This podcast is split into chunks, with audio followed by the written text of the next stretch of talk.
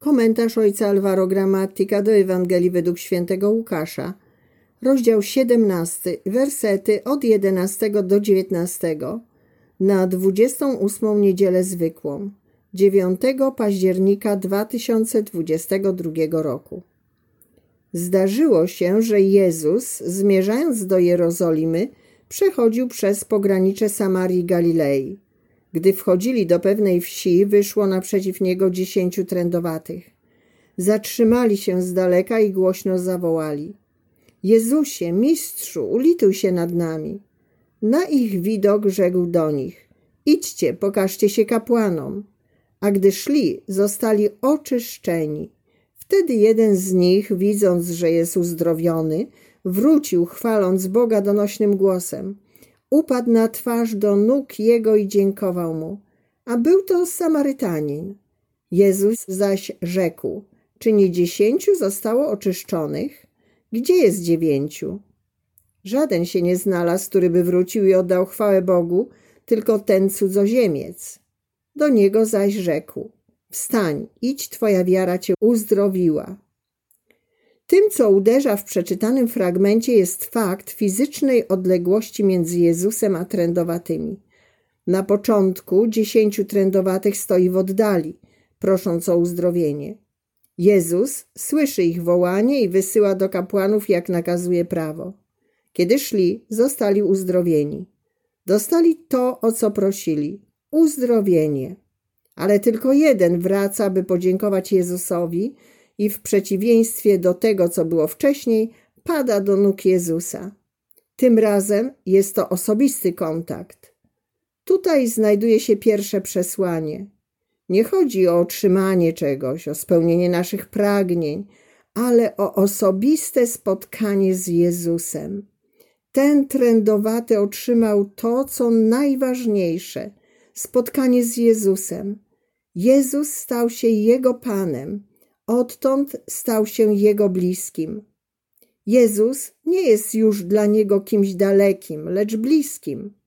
Ta bliskość jest czymś najcenniejszym w naszym życiu. Posyłając trędowatych do kapłanów, Jezus respektuje prawo, ale w rzeczywistości poddaje ich próbie, aby zobaczyć, co jest w ich sercach, czyli co jest dla nich najważniejsze uzyskanie wysłuchania ich próśb czy bycie z Jezusem. Pokusa polega na tym, że chcemy otrzymać wszystko natychmiast i bez wysiłku i podążać dalej swoją drogą jak zawsze. W rzeczywistości nie chcemy stać się przyjaciółmi Jezusa, ponieważ oznaczałoby to zaufanie Jego planowi, temu w jaki sposób pokieruje naszym życiem. Innymi słowy, bliskość Jezusa zmusza nas do zmiany swojego życia i do polegania na nim. Dlaczego pozostałych dziewięciu uzdrowionych z trądu nie wróciło? Może dlatego, że wystarczyło im otrzymanie tego, czego pragnęli w tym momencie, czyli uzdrowienia. Ale ta postawa jest krótkowzroczna, samolubna i nie prowadzi daleko. A gdyby jutro znowu zachorowali, czy mieliby ponownie okazję, by zawołać do Jezusa? Samarytanin, powracając do Jezusa, stał się jego uczniem. Zabezpieczył sobie przyszłość, pokonując wszelki opór. Nawiązał osobistą relację z Jezusem, który zawsze będzie jego zbawieniem. Był jednak Samarytaninem, to znaczy tym, który był daleko od właściwej drogi. Pokazuje, że każdy może mieć taką bliskość z Jezusem. W życiu liczy się nie to, kim teraz jesteśmy, ale dokąd zmierzamy. Samarytanin postanowił zawrócić, zmienić kierunek i pójść do Jezusa. W ten sposób zaczął oddawać chwałę Bogu, a pozostali nie. To jest prawdziwe uzdrowienie. Mieć serce, które potrafi dziękować za wszystko, ponieważ ufa Jezusowi. Co robić? Iść dalej w stronę Jezusa i żyć w bliskości z Nim. Jak? Dziękując Mu.